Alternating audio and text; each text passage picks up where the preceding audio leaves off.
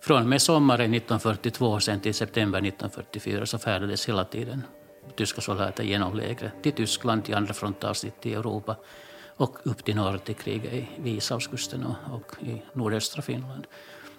Och det rörde sig om, om tusentals soldater per vecka. Lägret var byggt för nästan 5 000 soldater.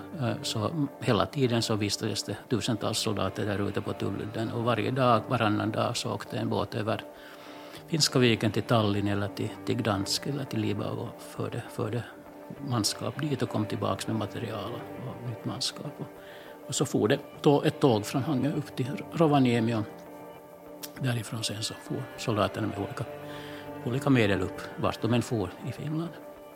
Så det var en, en ständig trafik, så man kan egentligen säga att Hangö var liksom som en sorts eh, terminal. Det var liksom som man skulle ha en, en, en båtterminal eller en flygterminal där folk hela tiden kom och for genom det här lägret. Och som en, som en, liksom en, en verklig plats för, för folk att träffas, men inte en plats där de liksom stannar länge, utan övernatta en eller två nätter på väg hit eller dit, till norr eller till söder.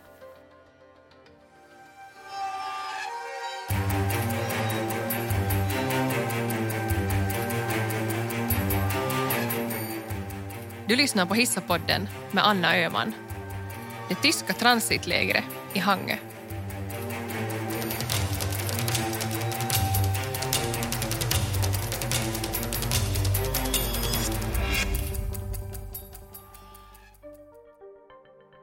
Det här avsnittet av Hissapodden handlar om det tyska lägret baserat ute på Tulludden i Hangö under fortsättningskriget. Efter att Hangö udd använts som sovjetisk flottbas i drygt ett och ett halvt år hyrdes Tulluddens frihamnsområde i Hangö ut till tyskarna som våren 1942 inrättade transport och etappcentrum på området. Lägret fungerade också som semesterort för tyska soldater som var stationerade i Finland men inte hade möjlighet att bege sig ända hem för en paus från krigshändelserna. Och semesterort, ja. Det hänger fortfarande idag för många. Vid småbåtshamnen ligger restauranger på rad och folk tar sig gärna en promenad längs med de lummiga gatorna. På stranden i änden av boulevarden reser sig en minnesstaty över tyskarnas landstigning som skedde just här under inbördeskriget. Stadens historia som populär semester och badort sträcker sig över hundra år tillbaka och innan kriget bröt ut var Hangö spa och badanläggning välbesökt av landets mer förmögna invånare. Badhusparken med sina vackert utsmyckade trävillor i olika färger väckte förundran. Kontrasten till det Hangö de evakuerade invånarna återvände till 1942 kunde inte ha varit större. Ute på udden välkomnas det av taggtråd, sönderbombade hus och gator, stupade soldater, fallna träd, förstörda lägenheter och minerad mark. Idag har vi med oss Jan Fast här i podden som är krigsarkeolog och doktorand vid Helsingfors universitet. Välkommen med Jan. Tack, väldigt kul att vara här. Trevligt, trevligt. Det är så att du forskar i det här tyska lägret som fanns i Hangö. Eh, vad kan du berätta om din forskning kring det?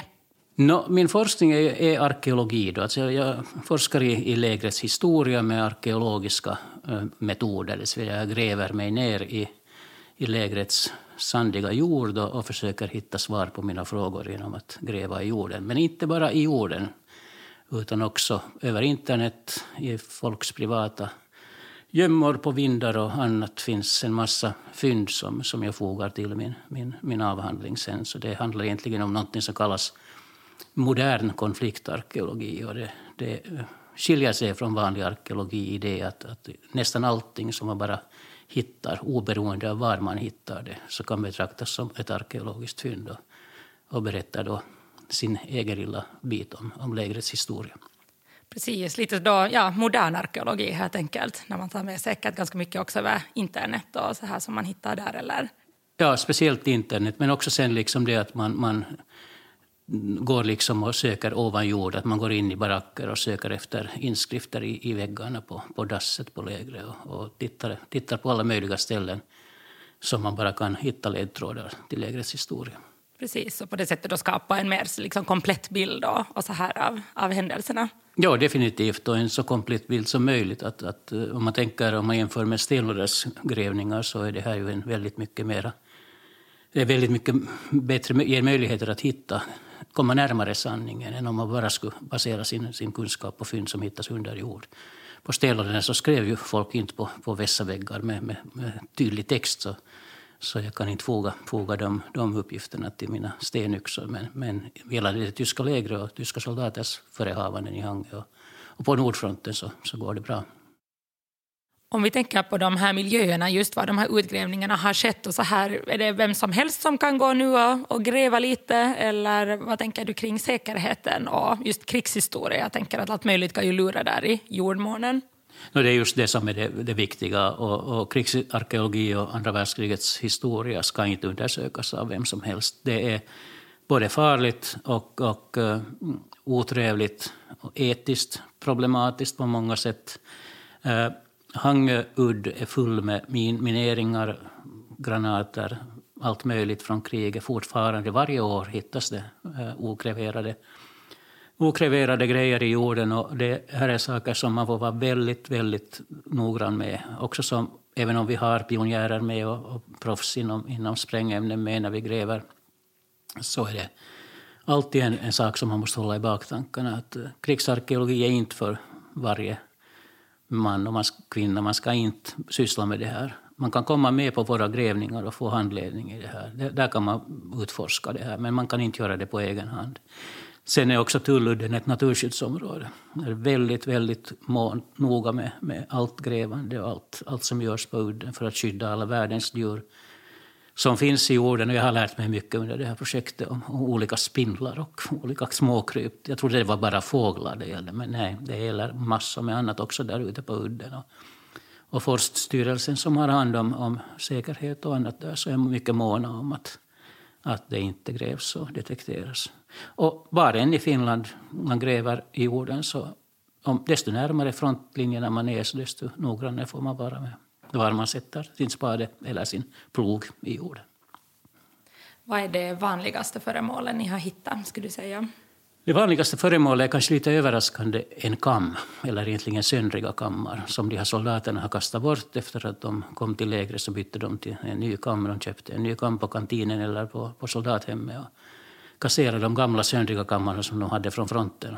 Ja, det, där, det är kanske en liten överraskning för, för dem som fundera på vad en tysk soldat lämnar efter. Så att tusentals kammar så kanske inte som alla tänker på genast. Men, men sen naturligtvis massor med sådana grejer som har med mat och, och, och alkohol och tobak att göra. Det är liksom konservburkar och flaskor, buteljer, vin, öl, snaps, allt, allt, som, allt möjligt.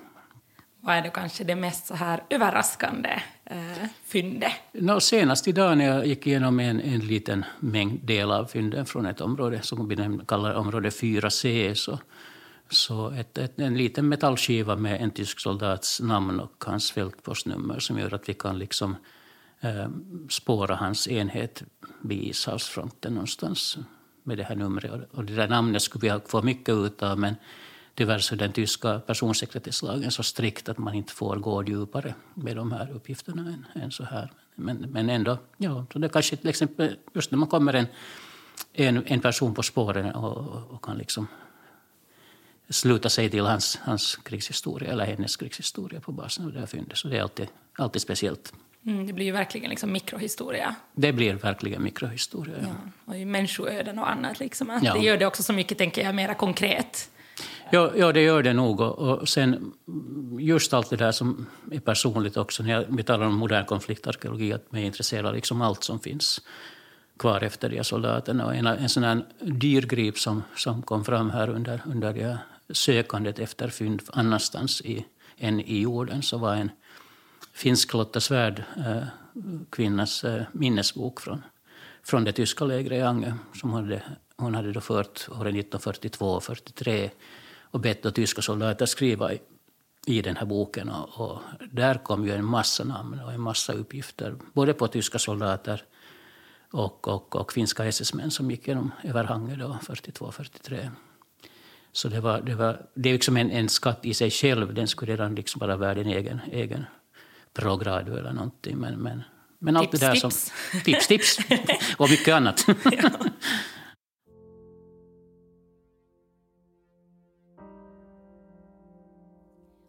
I juni 1941 anfaller finska och tyska trupper Sovjetunionen som en del av Hitlers operation Barbarossa vars mål är tyst herrevälde över Sovjet. Fortsättningskriget är därmed ett faktum. De tyska trupperna är koncentrerade i norra Finland så att de finska kan fokusera på fronten i de sydligare delarna av landet. Anfallsskedet blir framgångsrikt och de finska soldaterna avancerar långt förbi den gamla landsgränsen i östra Karelen. Efter några månaders lyckade men förlusttyngda strider stabiliseras fronten och kriget övergår i ett ställningskrig. Hange hade efter mellanfreden i Moskva våren 1940 övergått till sovjetiska händer då området, i enlighet med fredsvillkoren, arrenderades till Sovjetunionen som hade planer på att inrätta en rysk flottbas på området. Den 13 mars stod det klart att de 3000 civila som inte redan flyttat undan striderna i ett tidigare skede skulle evakueras från udden. Som tidsram för evakueringen gavs tio dygn. Boskap slaktades eftersom landets foderbrist gjorde det omöjligt för närliggande gårdar att ta emot flera djur. Krigs och fabriksutrustning forslades ut från området. Senare måste Finland ersätta utrustningen monetärt eftersom Sovjet ansåg att allt tillbehör och apparatur som låg på området vid tiden för fredsavtalet borde ha tillfallit dem. Efter förhandlingar gick Sovjet med på att villkoren ändå inte gällde privategendom. Under tiden mellan freden och fortsättningskriget befästes Hangö udd med skyttegravar, taggtråd, eldställningar, pansarvagnshinder, bunkrar och korson. Finland befäste i sin tur det avgränsande området i Hangö udd, framförallt Lappvik, som skydd mot ett eventuellt sovjetiskt anfall från udden. Då fortsättningskriget bryter ut befinner sig över 27 000 högutbildade och välutrustade ryska soldater på flottbasen. Till skillnad från vad man på finskt håll förväntat sig så anfaller inte de ryska trupperna från flottbasen. Den finska krigsledningen väljer att avvakta. De slutliga striderna om området utspelar sig framförallt i skärgården kring Hangö udd. I juli och augusti övertar de ryska trupperna ett flertal strategiskt viktiga öar som inte ingår i arrendeområdet. Blodiga strider utspelar sig på Bengtskär och under flera timmar håller finska soldater ställningarna i de övre delarna av Bengtskärs fyr mot de ryska soldaterna en våning ner. Striderna slutar i finsk seger och Bengtskär förblir i finska händer. Allt eftersom Tyskland avancerar i Baltikum förlorar också sovjeterna snart sina öar i den estniska skärgården. I samband med förlusterna blir Hangö av med sin strategiska betydelse. I slutet av oktober, tre månader efter att operation Barbarossa och fortsättningskriget inletts, börjar Sovjetunionen evakuera sina trupper från Hangö. Manskapet och utrustningen behövs i försvaret av Leningrad. På grund av de svåra förhållandena i den minerade finska viken drar förflyttningen av trupperna ut på tiden. De sista sovjeterna lämnar Hangö i början av december. Nu inleds stora och utmanande städoperationer för att röja området på minor och andra fällor laddade med sprängämnen. Flera mister livet eller skadas under försöken. Så småningom flyttar lokalbefolkningen tillbaka till udden och på hösten 42 slår skolan återigen upp sina dörrar. Ett år senare har hälften av de 8000 invånare som huserade på udden under vinterkrigsutbrottet återvänt hem. Några månader efter att de sovjetiska soldaterna lämnat Hangö hyrs Tulluddens frihamnsområde ut till tyskarna. Där ska de bygga ett stort transport och etappcentrum för sina soldater. Hangö är bekant sedan tidigare eftersom stan sedan järnvägen reparerades använts som en del av de tyska soldaternas transportkedja från Tyskland till utposterna i norra Finland. Under fortsättningskriget finns, förutom det tyska transitlägret, också fång och mottagningsläger i Hangö. Efter att sovjeterna lämnar Hangö i slutet av 41 förflyttas sovjetiska krigsfångar till udden från läger i Estland och Russerö. Fångarna som tidigare varit stationerade som soldater på flottbasen ska hjälpa till med städ och röjningsarbetet i staden. Efter ett halvår uppgår de sovjetiska fångarnas antal till dryga tusen, långt ifrån den mängd som egentligen behövs för jobbet. Förutom arbete med att röja minor och annan sprängapparatur arbetar också en del av fångarna på civila jord och skogsbruk medan andra placeras ut i Förby kalkgruva. Genom Hangös fångläger, som är uppdelade i tre sektioner, passerar också krigsfångar på väg till Tyskland eller andra delar av Finland. No, alltså, Hangös strategiska historia börjar ju redan under medeltid och, och under tidig historisk tid och i och med det här farlederna som gick förbi Hangö och, och kring, runt udden. Kapellhamnen är ju känd för sitt kapell från, från 1200-1300-talet. Och, och, och Eh, Hangö har alltid haft en strategisk position som en sorts vakt över Finska viken, kan man väl säga. Och det där som är sen liksom händer på andra världskriget så är egentligen bara en fortsättning på det som, det som har hänt redan många gånger tidigare. Och, och vill man nu se framåt i ett lite dystert sinneslag så får man väl tänka att det kommer aldrig att ändra det där. Att, att, eh, även om Porkala kanske är ännu, ännu mer strategiskt så är, så är nog Hangö fortfarande en väldigt, väldigt viktig punkt för, för om, om man vill föra krig i, i, i Finska viken och i Östersjön. Så det där hänger alltid ihop. Eh, men, men, men kanske det ska man också komma ihåg att Hangö inte bara liksom någonting som ligger alldeles vid havet utan Hangö har en, en koppling till övriga Finland med järnväg och, och det var det som tyskarna var lika mycket ute efter 1942 som, som den fina isfria hamnen som, som de också behövde för sina trupp och materialtransporter till kriget i norr. Vad skulle du kunna berätta då om livet på det här lägret? Uh, vad var det som försiggick där? Uh, mängder? Uh, vad, liksom, vad hände med en tysk soldat när, när den anlände till, till lägret? No, jag kan ju börja med det att tyskarna hade ju ett öga på Hangö redan, redan före, före de anföll Sovjet. Alltså, Hangö var en av de första punkterna som skulle erövras genast när kriget började. Det att man inte gjorde så, att man inte landsteg i Hangö och, och så här, så det var ju en, en, kombination av många saker som gjorde att det inte blev... Men man, man egentligen tänkte att det lönar sig inte, att kriget går så snabbt på de andra fronterna att, att ryssarna blir liksom kvar i Motti där på Hangö udde och man behöver inte liksom grubbla på det desto mer utan man bara håller dem där och, och så, så kommer de att ge upp i något skede. Så i, i december 1942 sen så, så lämnar ju ryssarna Hangö och Hangö var igen i finska händer före, före jul. Och, och i eh, januari 1942, direkt efter egentligen, att, att man bara... Som direkt när det var möjligt så började tyska fartyg komma in i Hangö hamn och, och hämta både manskap, tusentals soldater och pansarvagnar och allt möjligt mellan himmel och jord till hamnen och lasta dem på tåg sen upp till, upp till norr. Och då börjar man ju märka att Hangö är ju liksom en verkligt bra liksom plats. För tyskarna märkte att här, här, här finns kapacitet för ännu mycket mer, så man började fundera på att, att bygga då ett, ett bestående läger ute på, på udden. Och det, platsen hittade man på Tulludden som var obebyggd. Och, och man, tyskarna hyrde då Tulludden för ett väldigt billigt pris och fick lov att bygga baracker där. Och de byggde 130 baracker till slut. Ett väldigt stort, stort område med det största lägret i Finland kan man väl säga under, under andra världskriget, det tyska, första tyska lägret. Och det där, från och med sommaren 1942 sen till september 1944 så färdades hela tiden tyska soldater genom lägret till Tyskland, till andra frontavsnitt i Europa och upp till norr till kriget i Ishavskusten och, och i nordöstra Finland. Och det rörde sig om, om tusentals soldater per vecka. Lägret var byggt för nästan 5 000 soldater. Så hela tiden så vistades det tusentals soldater där ute på Tulludden. Och varje dag, varannan dag så åkte en båt över Finska viken till Tallinn eller till, till Gdansk eller till Libau och förde, förde manskap dit och kom tillbaka med material och, och nytt manskap. Och, och så for det ett tåg från Hangö upp till Rovaniemi och därifrån sen så for soldaterna med olika, olika medel upp vart de än for i Finland. Så det var en, en ständig trafik, så man kan egentligen se att Hangö var liksom som en sorts eh, terminal. Det var liksom som man skulle ha en, en, en båtterminal eller en flygterminal där folk hela tiden kom och for genom det här lägret.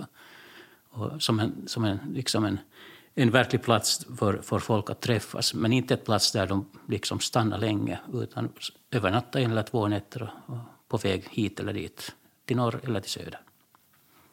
Hade de, var de främst eh, då stationerade just på läger eller syntes de annars liksom för Hangöborna? Hur, nära, hur närvarande var de liksom i de vanliga Hangöbornas mm. liv? No, I Hangö fanns en tysk kommendantur och där fanns en del andra byggnader, stora byggnader där tyskarna höll, höll, höll liksom ordning på sitt.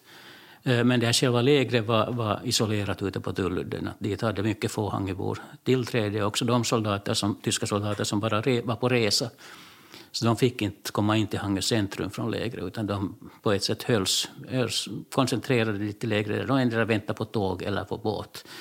Och det här kan man nog säga säkert att var tur för Hangö och Hangöborna. Att, att, att skulle man ha haft tusentals tyska soldater rännande omkring stan varje dag under två och ett halvt år så, så tror jag inte att kanske de här minnesbilderna av, av tyskarna skulle ha varit så positiva som de är i Hangö ännu idag. Men de uh, tyska soldater som levde året runt i lägret, som, som bodde där och som skötte allt, uh, och sen de som bodde i stan, skötte allt på stan, så de, de syntes naturligtvis mycket i gatuville i Hangö. Och, och, och, det är de man hör om sen i intervjuerna med, med Hangöbor, som jag har gjort då i samband med den här avhandlingen. Att, att man, man pratar inte så mycket om de här som var på resande fot, de här tyskarna, utan de som bodde då i Hangö, mer eller mindre permanent var det så att också de här tyska soldaterna kunde komma dit på liksom semester ifall det var så att man inte eh, hann ända hem till Tyskland eller permission kanske. Ja, det där är en ganska intressant ja. grej. Alltså, när, när kriget började gå sämre och sämre för tyskarna så var ju den här båtresan över Finska viken det blev farligare och farligare. Alltså, det var mer och mer, och mer minor och, och ubåt, ryska ubåtar och annat. Och en del tyska soldater, kanske av den här orsaken eller av någon annan orsak, sen så bestämde att inte resa längre än till Hangö. Eh, och de inkvarterades, många av de här som firar sin semester då i, i, i, i Hangö. Så de inkvarterades i Ekenäs av familjer, i Dalsbruk av finska familjer, i Hangö av, av olika familjer.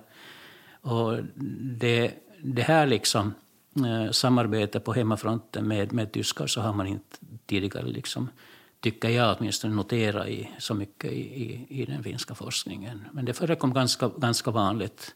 Och då knöts då vänskapsband då över, över gränserna med, med, det här, med, på det här sättet. Precis. Den här vardagen äh, på lägre, äh, ehm, jag läste om att det skulle funnits en biograf äh, på det här. Vad var det för någonting? Ja, det fanns en, I lägret fanns en väldigt stor biograf som, som mm, visade främst då propagandafilmer, naturligtvis, tyska Wochenschau och annat för soldaterna som, som, som man kunde då gå och se på om man inte hade något bättre att göra i lägret. Eh, det visades också sådana eh, nationalistiska eh, tyska, den tidens liksom, toppfilmer på, på, på bio där. Men, men det var då en, en, en propagandabiograf, kan man väl säga nästan så. Sen fanns det en biograf i Hangö centrum eh, och den var ju lite mer sådär hur ska jag säga, mer objektiv. Den, den visar vanliga filmer, vilda västernfilmer allt med det där. Och, och den var väldigt populär bland tyskarna. Att, att det finns mycket berättelser om hur de marscherar i tropp då från Tulludden till det här biografen och tillbaks och, och, och sjöng, sjöng hela vägen dit och hela vägen tillbaka, vilket ju hörde till under den där tiden. Eh, men, men Jo, den, men den, den, den, som de flesta tyska soldaterna besökte det var inne i lägret och den flyttades till Bjärn och sen efter kriget där den brann upp i något skede. Men, så den finns inte mera, men några berättelser finns kvar. Precis. Du nämnde tidigare den här kantinen på, på området som fanns där. Vad kunde man inhandla där? Vem var det som upprätthöll den? Då det fanns egentligen flera kantiner. Det fanns en som drogs av de finska lottorna som hette Erika, hette Erika och den, den var verkligt eh, populär. Och lottorna sålde allt vad de bara fick tag på så sålde de i kantinen och gjorde, gjorde mycket pengar eh, som ju var den finska krigsinsatsen sen till, till, till godo. Eh, sen fanns en annan kantin som drogs av tyska kvinnor som var sådana frivilliga som följde med följde med den tyska armén över, överallt i Europa, vart den än gick. Eh, och de hade sitt eget. Och så fanns det en, en som jag brukar kalla korvkantinen. En, en tysk eh, släkt som, som hade en korvfabrik i Åbo. Så de hade en egen kantin också på området där de sålde först korv till tyskarna, men det gick inte riktigt bra, så de bytte sen till, sen till annat som tyska soldater ville köpa. Och det är ganska skojigt att den här, han var en verklig businessman han som drog den här verksamheten i den här korvkantinen så att säga. Så han köpte billigt tysk, tyska strumpor från Tyskland. Och så sålde han dem dyrt i kantinen i Hange så att tyska soldater fick föra hem strumpor till sina, till sina flickvänner och fruar i, i Tyskland. Och gjorde stor business på det. Ja, precis. En verklig businessman låter det som. Det låter bra. ja, ja, exakt. Du nämnde också att eh, det har hittats um, spritflaskor, snapsflaskor. Uh, var det här någonting man också uh, ja, ett nöje på det här lägre alkohol och Både nöje och, och sen dränkande av sorg. Alltså, alkohol hörde ju till den tyska matransonen för soldaterna. Det hörde alkohol till det. Man fick per månad så fick man vin och till och med lite konjak och, och öl det var inte som i den finska armén att alkohol var bara reserverat för en marskis Rypy under, under marskalkens födelsedag, utan, utan tyska soldater hade tillgång till alkohol. Och, och, eh, de använde alkohol. Eh, det, att det var väldigt hård disciplin på lägret så bidrog nog till att det var väldigt få, få tillfällen tydligen där det skulle spåra ut. så att säga. Men, men alkohol användes flitigt på lägret och också på tågen som tog soldater från lägret till, till Nordfronten. Kanske det var så att det var skumvin, tysk sekt, när man på väg, var på väg på permission eller till Tyskland. Så var det vad man fick tag på sen, sen när man åkte tillbaka till fronten. Men det ska jag kanske ännu säga som kanske kan vara lite nytt för folk är det att när man studerar de tyska soldaternas brevväxling från, från Hangelägret och, deras stämningar när de reser genom lägret, när de är på väg till fronten, tillbaka till fronten eller till sina flickvänner, och hustrur, familjer. Så, så det är det att de, de längtar hela tiden någonstans. De längtar inte bara hem till sina, sina släktingar, de längtar också tillbaka till fronten. Och, och det har att göra igen med de här vänskapsbanden som har knutits där uppe i de här hårda, hårda omständigheterna. Att de kände sig lite, många av de här soldaterna kände sig lite vissna och ledsna. De, de måste lämna sina kompisar i sticket där uppe i norr. Och de, de de eh, tänker både på de där hemma och de där på fronten som har blivit kvar där. De är liksom så ett, så ett mellanläge, in transit så att säga. Där i, i, och de, de är hela tiden på väg någonstans och längtar dit de är på väg. Finns det någon skillnad i den här stämningen i breven liksom under åren, så om man jämför till exempel då 42 med 44? No, no, nu är det ju statistiska materialet så pass litet att det finns så pass få brev bevarade och de är ofta typ så här att mamma, jag, jag är på väg och jag har, eller att jag har just kommit och nu ska jag gå på bio eller nu ska jag så här. Så det är svårt att säga, men, men, men eh, det finns en sån där äh, klar stämning naturligtvis att man är mer uppåt när man är på väg hem.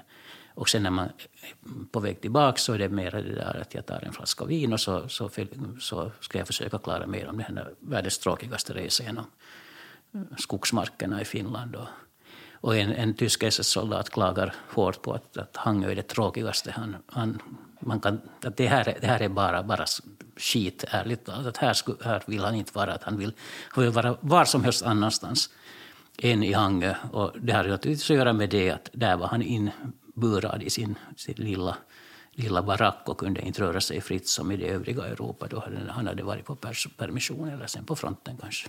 Mm, kanske lite så här limbo-status. Liksom att, ja, ja, ja. ja, Att här väntar man bara och ingenting händer. Ja. Precis. De här um, kammarna du nämnde om, att, mm. att var det vanligaste, var det för att man skulle se bra ut? Eller fanns det också andra, andra syften? Jag tänker löss och, no, och annat som... No, de tyska soldaterna fick ju då alltså en permission per år i, i, i regel för att gå, åka hem och, och berätta om hur bra kriget gick. Och, och det var tank, tanken var den att det skulle vara en inte bara en, en, en rekreationsfärd utan också en propagandastund. Och så skulle man ju då se till att man får nya, nya barn. En gång i året så var det, var det värt att försöka. Och så, här.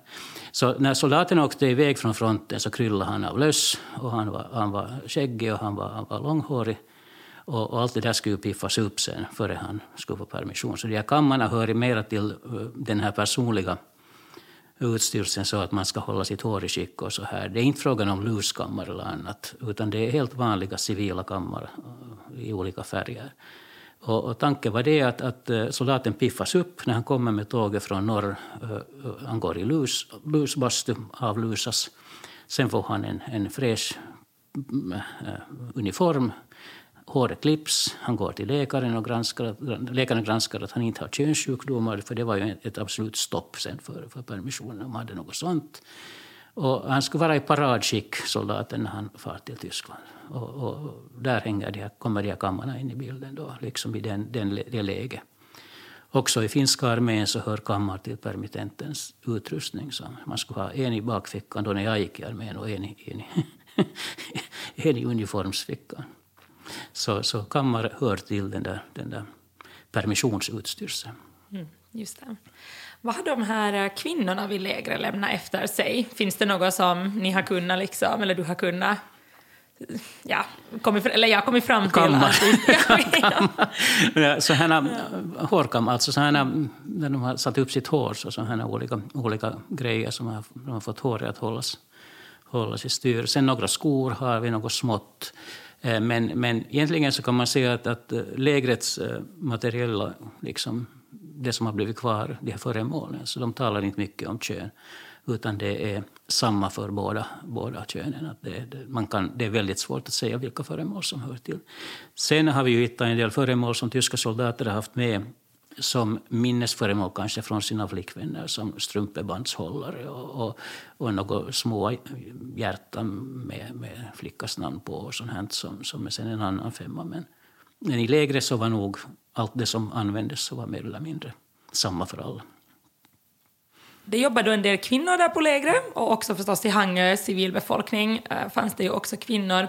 Finns det något, eh, just de här kärlekshistorierna som, eh, som finns på andra håll i Finland just från under fortsättningskriget mellan finska kvinnor och, och, och tyska soldater? Hur, var det i, hur såg det ut i Hangö med den?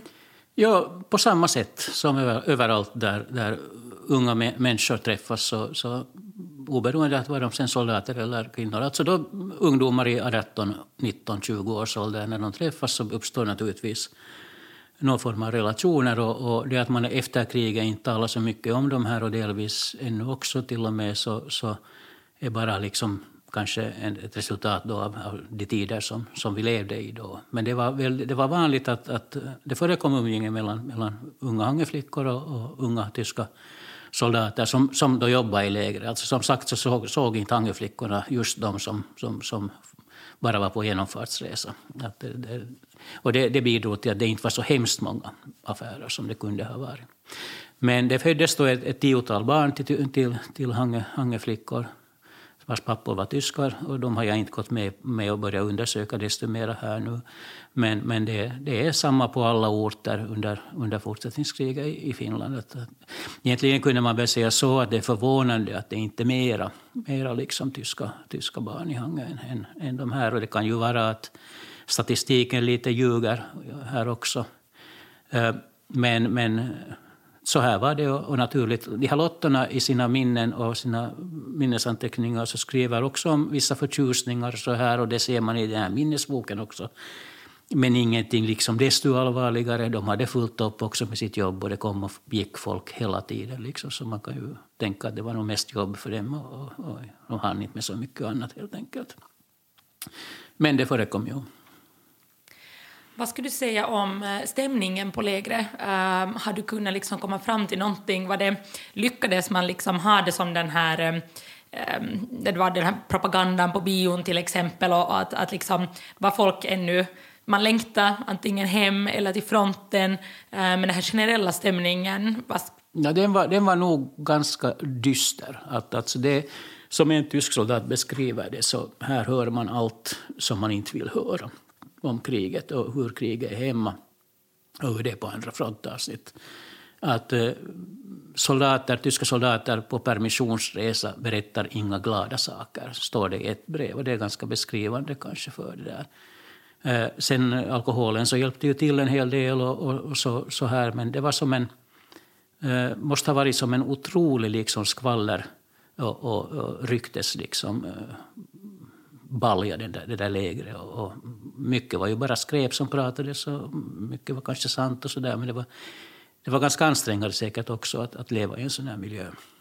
Och de finska SS-män som gick genom lägret eh, på sina färder till Tyskland från och med 42, alltså inte bara 1943 utan också 1942, så så skriver ganska intressanta saker också. De, de vill liksom inte ha något att göra med de här tyskarna. De vill ha liksom sitt och så tvingas de ändå vara här med de här tusans tyskarna. Och, och det tycker jag är ganska speciellt eftersom de ändå var en del av den tyska krigsmakten. Så de på något sätt identifierar sig som, som finnar som måste vara med de här tusans tyskarna här i det här lägret. Det är ganska spännande också.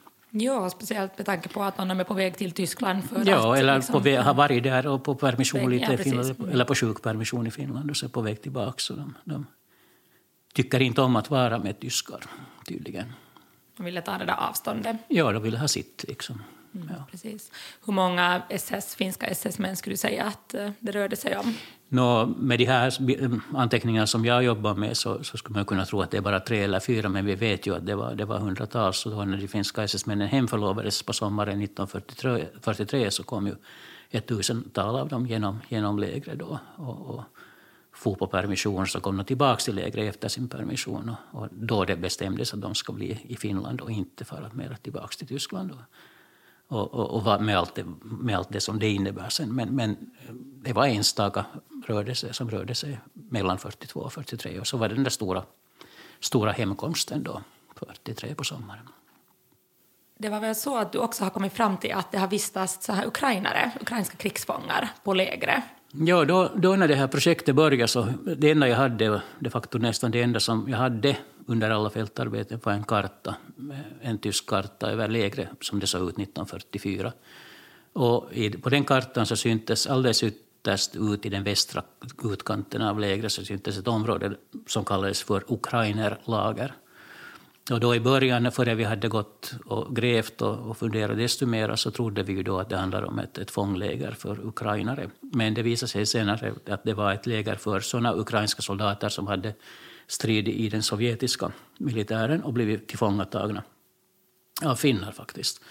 Och sen eh, efter att ha vistats i ett fångläger som leddes av finska soldater under en tid så gavs de en möjlighet att, att gå över på den tyska sidan som så kallade hilfsvillige och, och hjälp, hjälpa i den tyska krigsinsatsen. De fick då en tysk uniform utan örn och, och, och, och fick då städa och greja i lägret och fixa allt möjligt som tyska soldater inte, inte gjorde i lägret. Men de var då inte, fång, inte fångar på det viset som, som man kanske tänkte då i början. Utan de, men de hade sin egen, i, sitt eget isolerade läger i utkanten då av, av det här stora tyska lägret. Och, och, och deras öde är ju verkligt tragiskt efter, efter kriget. För, för de, de var ju då liksom Sovjetsoldater som hade hoppat över på den tyska sidan. Och när tyskarna lämnade Hangö sen i september 1944 for de över till den baltiska kusten, till Kurland till slut. Och sannolikt är att, att de här ukrainarna så hamnar sen i den här kurländska Mottin som, som, där tyskarna stred ända till slutet av kriget och sen blev de tillfångatagna av, av Sovjetsoldater. Och de, deras öde var säkert arkebusering efter, efter det tillfångatagande. Så en tragisk historia. De stora trossarna träffar det kalla havsvattnet då ångbåten Primula kastar loss i Paldiski vid Estlands nordvästra kust. Fartyget har riktningen ställd mot Finlands sydligaste spets, Hangö udd. Ombord på Primula finns 400 ingermanlandsfinnar, allt från skrikande spädbarn till huttrande åldringar. Många av dem har inte ätit på flera dagar och trots att de kanske borde vara nöjda över att evakueras under krigets fötter känner de flesta en fasa inför den okända framtiden. Då fartyget anländer till Hangö piskar den kalla oktobervinden resenärerna i ansiktet. Två livlösa kroppar bärs ut från Primola då hon löper hamn. Invirade i stora yllefilter har andra svårt att ta sig ur fartyget på sina magra ben. Resenärerna förs vidare till ett fångläger som gjorts om till mottagningscenter. Där möts de av kala, mörka och smutsiga baracker. Det är trångt i barackerna och barnen gråter av kyla. Efter några dagar på mottagningscentret slussas resenärerna vidare till följande mottagnings och karantänläger någonstans i Finland. Då de tyska trupperna omringar Leningrad på hösten 41 får också Ingermanlands 100 000 invånare känna av krigets kännbara verkningar. Den följande vår är hungersnöden ett faktum i det krigshärjade området. Många av de bosatta i Ingermanland är Ingermanlandsfinnar, ättlingar till den rikliga mängd finnar som invandrade till området några hundra år tidigare. På våren 43 inleds evakueringen av Ingermanlandsfinnarna till Finland, närmare bestämt till Hangö, därifrån de slussas vidare. Finland är i akut behov av arbetskraft till följd av att många av de tidigare evakuerade karelarna nu flyttat tillbaka till sina gårdar i det återerövrade Karelen. Sammanlagt passerar 63 000 ingermanlandsfinnar Hange på väg mot andra orter i Finland. En del fortsätter till Sverige. Innan de reser vidare placeras flyktingarna i stadens skolor och andra offentliga utrymmen. Efter en tid räcker utrymmena inte till och två av de tidigare fånglägren görs om till mottagningscentraler.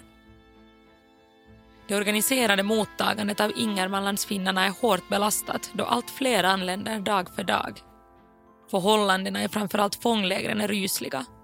I virrvarret blir de flesta av med sina personliga ägodelar som tappas bort. Då flyktingarna anländer bastar man och rengör dem innan de fortsätter sin färd vidare mot det okända.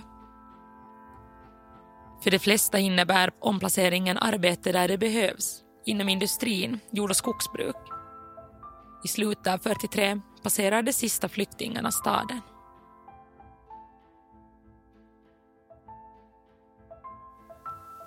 Så där överlag så, så har ju Hangöborna väldigt goda minnen efter, efter tyskarna i Hangö. Och det kan ju kännas lite märkligt om man tänker på hur, hur tyskarna betedde sig i övriga Europa under den här tiden. Och, och, och, jag har mycket funderat på det där. Det handlar naturligtvis också om att människorna de minns de här tiderna, så de sållar bland sina minnen. De vill gärna minnas de goda sakerna medan de förtränger de, de tråkiga tråkiga. Och bland de här tråkiga minnena som ändå har kommit fram i intervjuer också, som finns en del också i arkiven, så finns eh, berättelser om hur tyskarna behandlar sina egna eh, soldater som hade begått brott eller som hade varit på bondis eller som hade gjort något som var förbjudet i den tyska armén. Så den tyska arméns disciplinära liksom, grej att eh, grunda sig helt på straff, bestraffningar. Att man kriget gick bra om soldaten hölls, hölls liksom tuktad och fick grymma straff för små förseelser. Krigströtthet fick ju inte existera utan det var ju bara sen liksom soldatens fel att han var, han var deppig och, och nere. Så från Hange finns berättelser om hur tyska soldater, sådana som har gjort något fel, transporteras med bajonettstick upp från hamnen till lägret med alla deras uniformer rivna och, och så här som visar tydligt på att det är frågan om en bestraffning, också en offentlig bestraffning då, som Hangeborna får bevittna att, att man bajonetterar sina egna på väg upp till lägret. Och sen finns berättelser från hamnen där eh, av någon anledning tyska soldater lyfts ut ur en, ur en godsvagn eh, och en av de här soldaterna har då tydligen haft kraftig diarré eller någonting annat. Han är sjuk, i dåligt skick och han klävs naken mitt på vintern ute, ute i Hangehamn. Och uh, man börjar då liksom skuffa honom, andra tyska soldater börjar knuffa honom och skuffa honom där på, på, på kajen. Och han, hans hans äh, avföring eh, skrapas bort med breder från honom och han lämnas sen naken på, på kajen och, och skuffas sen därifrån ombord på ett fartyg. Och enligt den här ögonvittnesskildringen så var det helt klart att han inte kommer att överleva den här, den här behandlingen. Så att den tyska armén marscherar med disciplin och, och det är en sak som finska civila inte förstås kunde, kunde förstå. Så man lämnar många spår, inte bara då i Hange utan också uppe i norr, att, att, att sånt här förekom. Att det var en, en, en, grym, en grym armé också mot, sig, mot, mot sina egna. Och där kan jag tänka att det har kommit lite just de här två olika världarna, att man kan ha haft jättetrevligt med tyskarna och husera in dem och sen nästa dag kan man ha sett något sånt här hända liksom, um, ute på kajen. Ja, det väckte mycket, mycket liksom förvåning och, och, och, och men att den här, den, här, den här hemska sanningen var väldigt nära. Den täcktes av en, en form av normalt umgänge. Men där, strax under så fanns den här andra verkligheten som bara väntade på att sticka upp huvudet som gjorde det då också, då och då. Precis. Tulludden är ju på det viset speciellt att Tulludden är väldigt vackert. Under en och en halv månad av året också varmt. Men Tulleden är en jäkligt kall plats. Det är en blåsig, vindpinad och en, en tusans svår plats att vara på under tidig vår, sen höst, vinter. Och, och det där vädret måste ha varit för många soldater ganska krävande. Att vara mest inne i barackerna hålla upp värmen, äta, som jag sa, tvätta sig, borsta tänderna, raka sig och vänta. Att, att eh, det där väderleksförhållandena är en sak som jag tar upp i min avhandling också. Och allt tyder på att det här lägret som byggdes 1942 var menat att vara bara en kortvarig grej. Det, platsen är inte vald med tanke på att man ska bo år ut och år in där ute på udden. Och, och år 1944 när tyskarna lämnar barackerna så är barackerna i förfärligt dåligt skick. De är, fast de är bara några år gamla så betecknas de av finnarna som väldigt utslitna och i, i, i väldigt dåligt skick. Och det, det, här vet jag för att man gjorde upp sådana barackkort för att man skulle sälja de här barackerna efter kriget. Och de var i så dåligt skick så man fick inte mycket pengar av dem helt enkelt. Så de var ut, utslitna på några få år. Sommaren 44 går det allt sämre för Tyskland i kriget. I slutet av juni inleder Sovjetunionen ett storanfall mot Karelska näset och krossar flera av de finska försvarslinjerna. Ett par veckor efter att storanfallet inleds beordrar Hitler de tyska soldater som befinner sig på transitlägret i Hangö att grunda ett regemente. Hitler hotar med att militärt använda sig av regementet ifall Finland slutar separatfred med Sovjetunionen. På lägret förbereder sig tyskarna på att bemanna Hangö.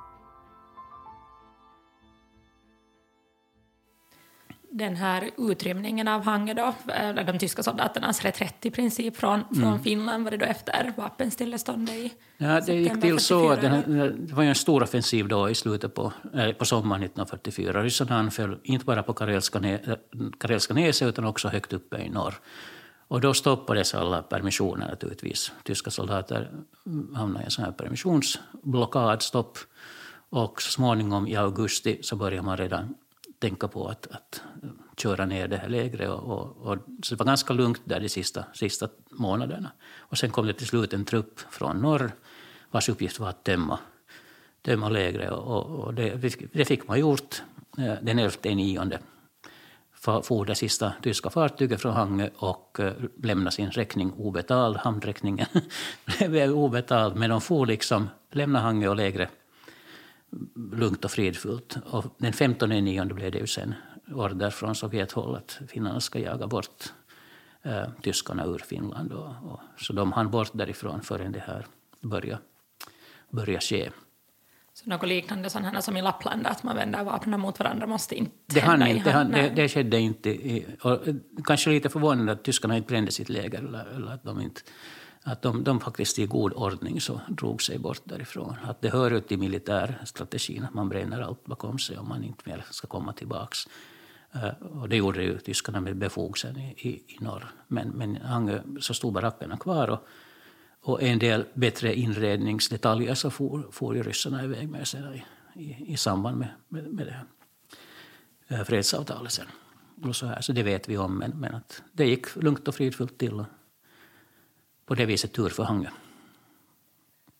Råkar du känna till om det åkte med äh, några kvinnor från Hangö med de här tyska soldaterna? Det hände ju uppe i norr äh, till exempel. Ja, ja det åkte med tyska, alltså Hangökvinnor med, med tyska soldater och en del av dem blev sen efter kriget i, i Holland bland annat och, och, och gjorde sin framtid sen i, i annorstädes i Europa.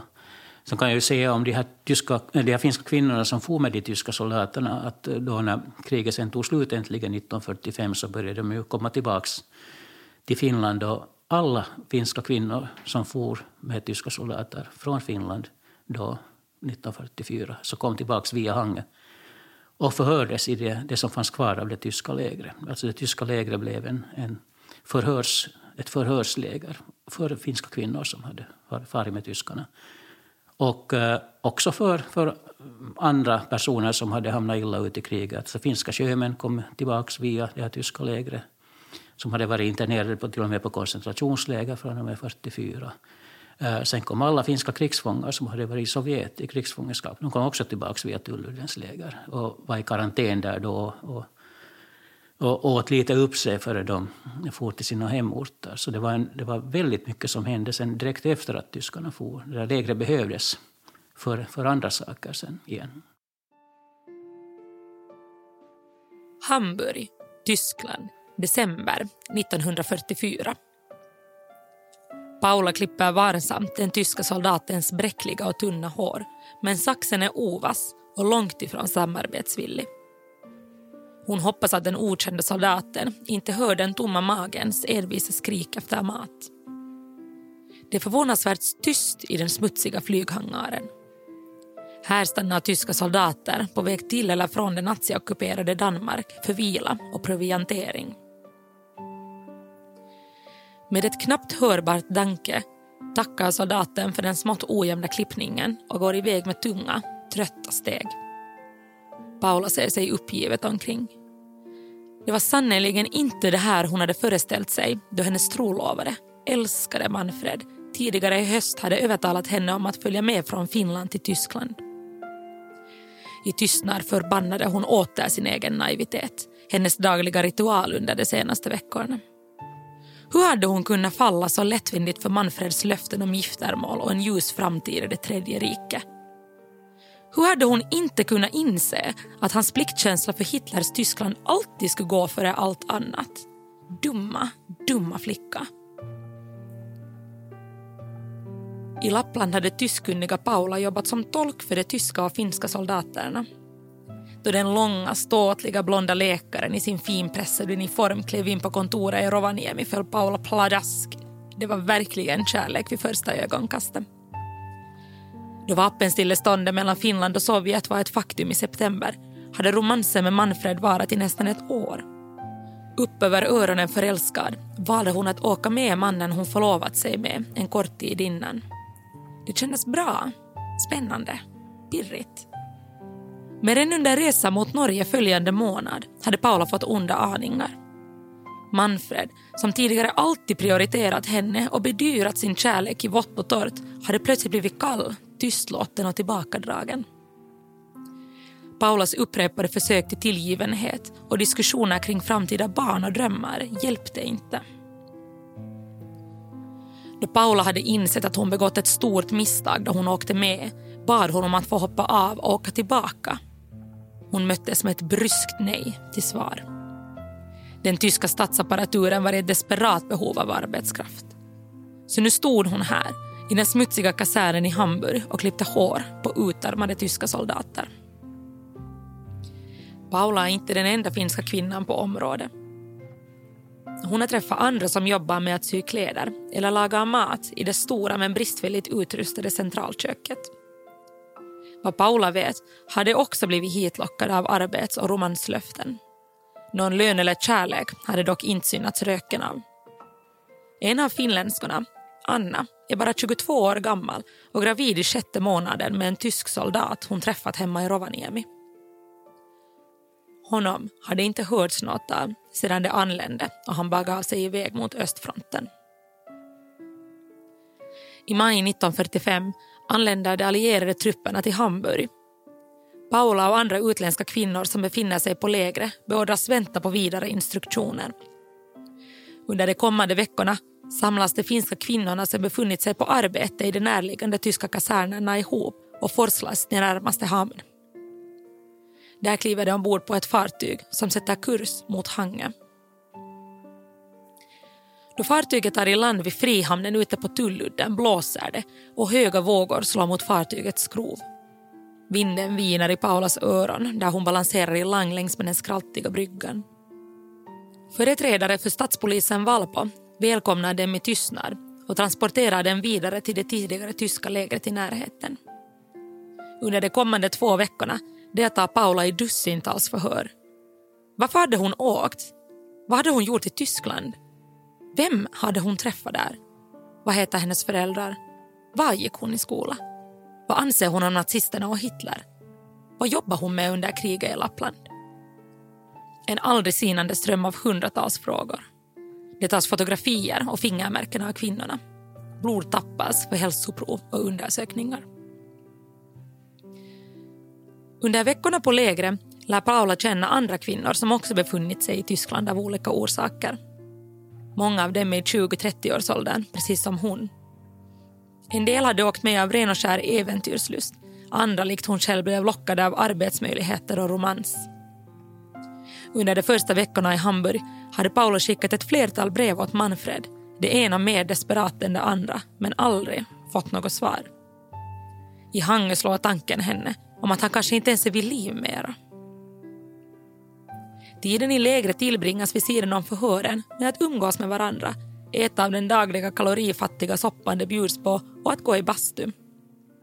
För lite på två veckor gått kommenderas samtliga kvinnor ut på lägergården. Statspolisen tackar dem oentusiastiskt för deras samarbetsvillighet och välkomnar den tillbaka till Finland. Paula ger sig av, nervös för hur hon kommer att tas emot i sin hemby. Som tur är hon ändå inte gravid som Anna. Att vara mamma till en halvtysk oäkting kommer inte att ses på med blida ögon i det efterkrigstida Finland.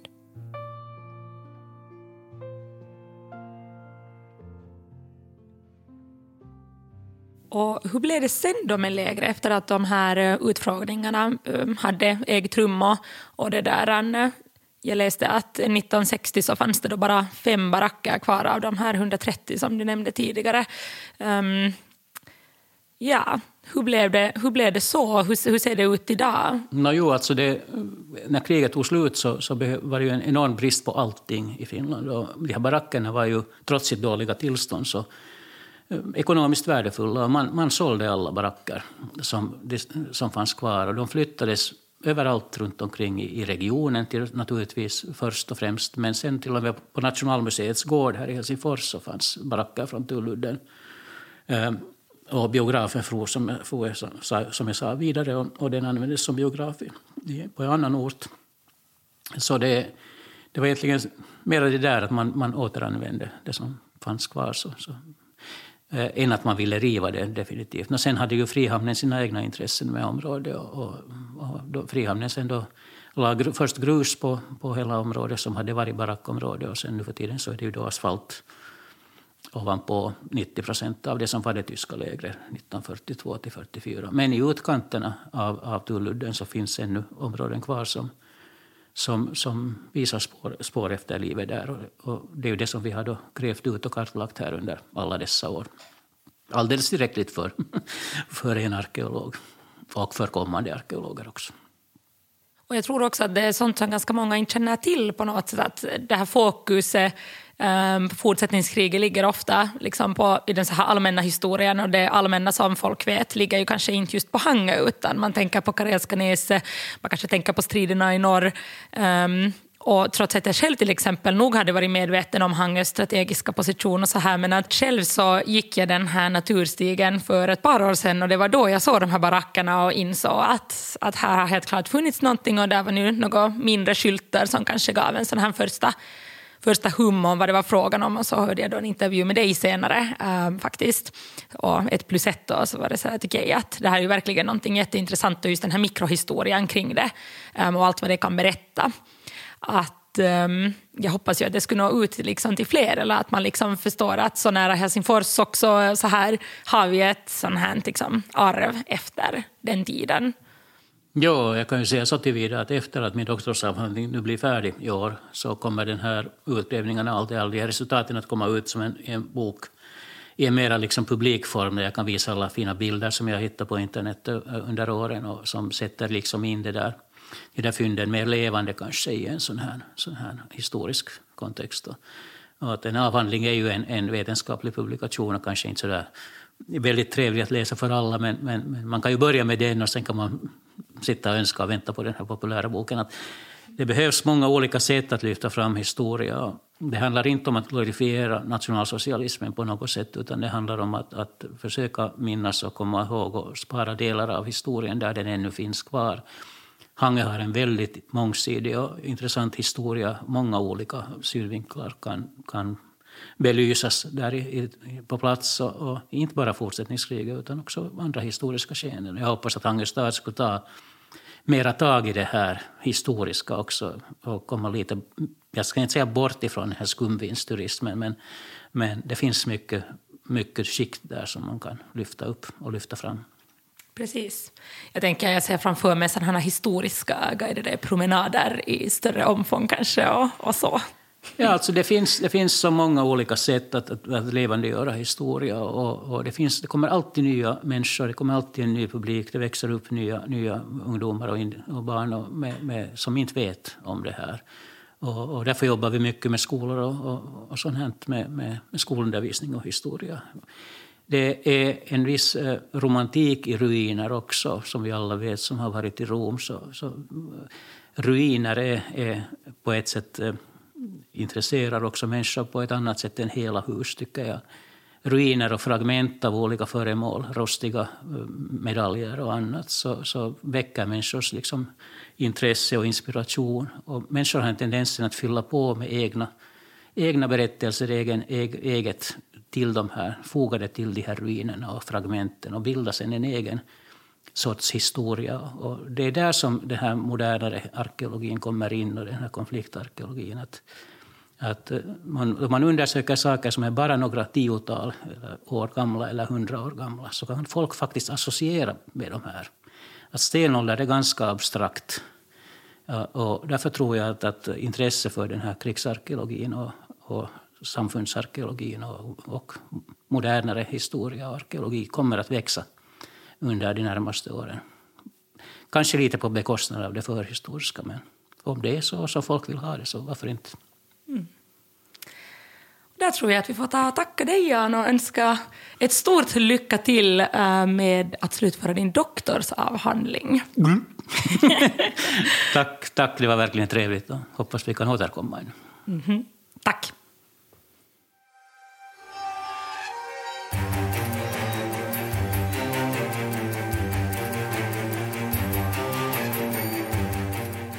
Du har lyssnat på Hissapodden med Anna Öhman. Inspelad av Tobias Jansson och producerad av Freja Lindeman.